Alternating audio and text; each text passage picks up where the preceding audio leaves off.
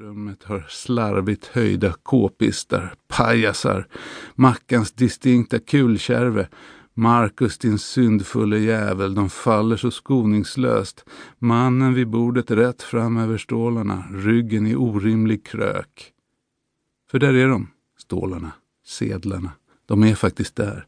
Lite blodiga nu, som handdukarna vid magnetröntgenapparaten det där veckoslutet då jag faktiskt var säker på att jag skulle dö. Speglingen där i, det gröna. Hjärnanfallets kraft, pumpande, pulserande, kraniets klyvnad, blågulröd regnbåge, vippande, fem segment, resten är ett gnistregn.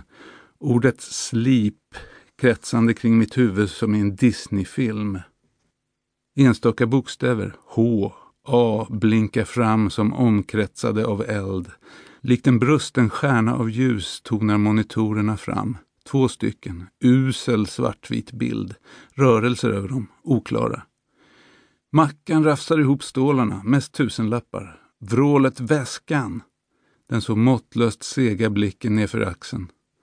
Där hänger den svarta axelväskan med de fyra ytterfacken. Jag övervinner mig själv och skickar upp den på bordet. Marcus rakar ner sedlarna medan Simon alldeles stumt pekar på bildskärmarna. Tre man med k-pistar på väg över innergården mot skjulet. Hitåt. De kom från källaren. De välde ut ur en alldeles grå skåpbil och störtade ljudlöst bort mot trappuppgången. Minimala k-pistar vilade vant i deras händer. Macken kastar åt mig väskan och vräker sig mot det bakre rummet. Simon efter, jag efter. Väskan krånglar över axeln, fastnar, sinkar mig. Hör dörren sparkas in, famlar efter bakdörren. Världen förtär sin explosion av blixtar. Ett par enfaldigt flashande bokstäver, L-E, eldomgärdade och så är jag ute. Snötäckets vithet skjuter hål i hjärnan på mig.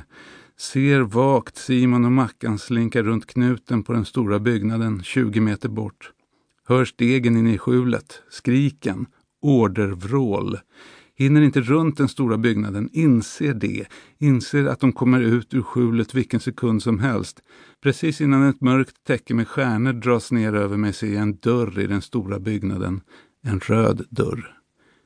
Jag måste ha sprungit dit. Jag är inne isyxa genom pannbenet, smärtans våldsamma strålar genom kranierummet, hemikrania, halva kraniet. Alla förvandlingar som krävdes för att grekiskans hemikrania skulle bli ett svenskt ord. Hennes röst när hon lägger ner boken i knät. Ingen vet egentligen vad det är. Det förblir ett mysterium för läkarkonsten. Hukar mig bakom något stort, svart och massivt. Har ingen aning om vad jag är ser den röda dörren stängd inifrån.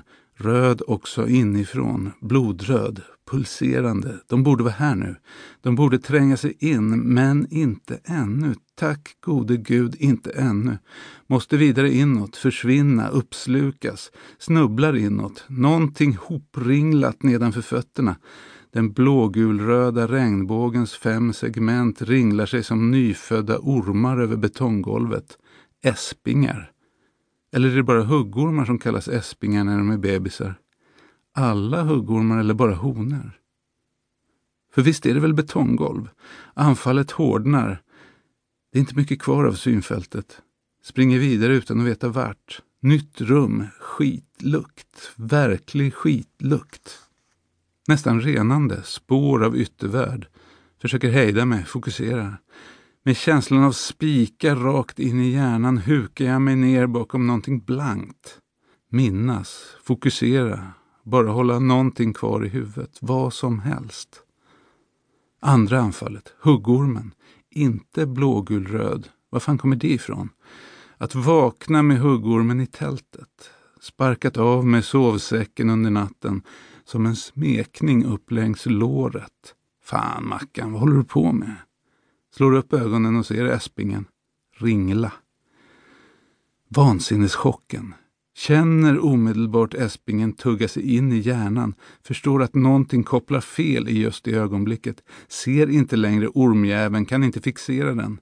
Jag känner den, men den finns inte när jag tittar dit. Ändå känner jag den så tydligt. Den är försvunnen och ändå inte. Jag ser